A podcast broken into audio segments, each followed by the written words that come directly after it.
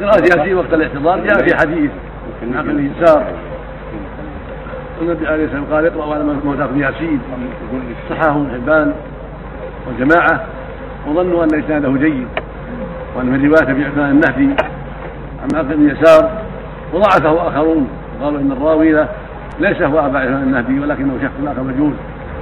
فالحديث المشهور الحديث المعروف فيه أنه ضعيف فلا يستحب قراءتها على الموتى.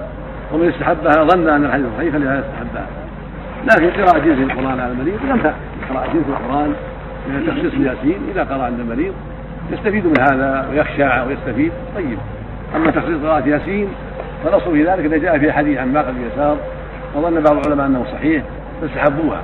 ولكن بالنظر في إسناده ومراجعة كلام العلماء فيه اتضح أنه ضعيف وأن تخصيصها لم يبقى له وجه فإذا قرأ قرئ عند المريض من القرآن يستفيد ويخضع ويخشع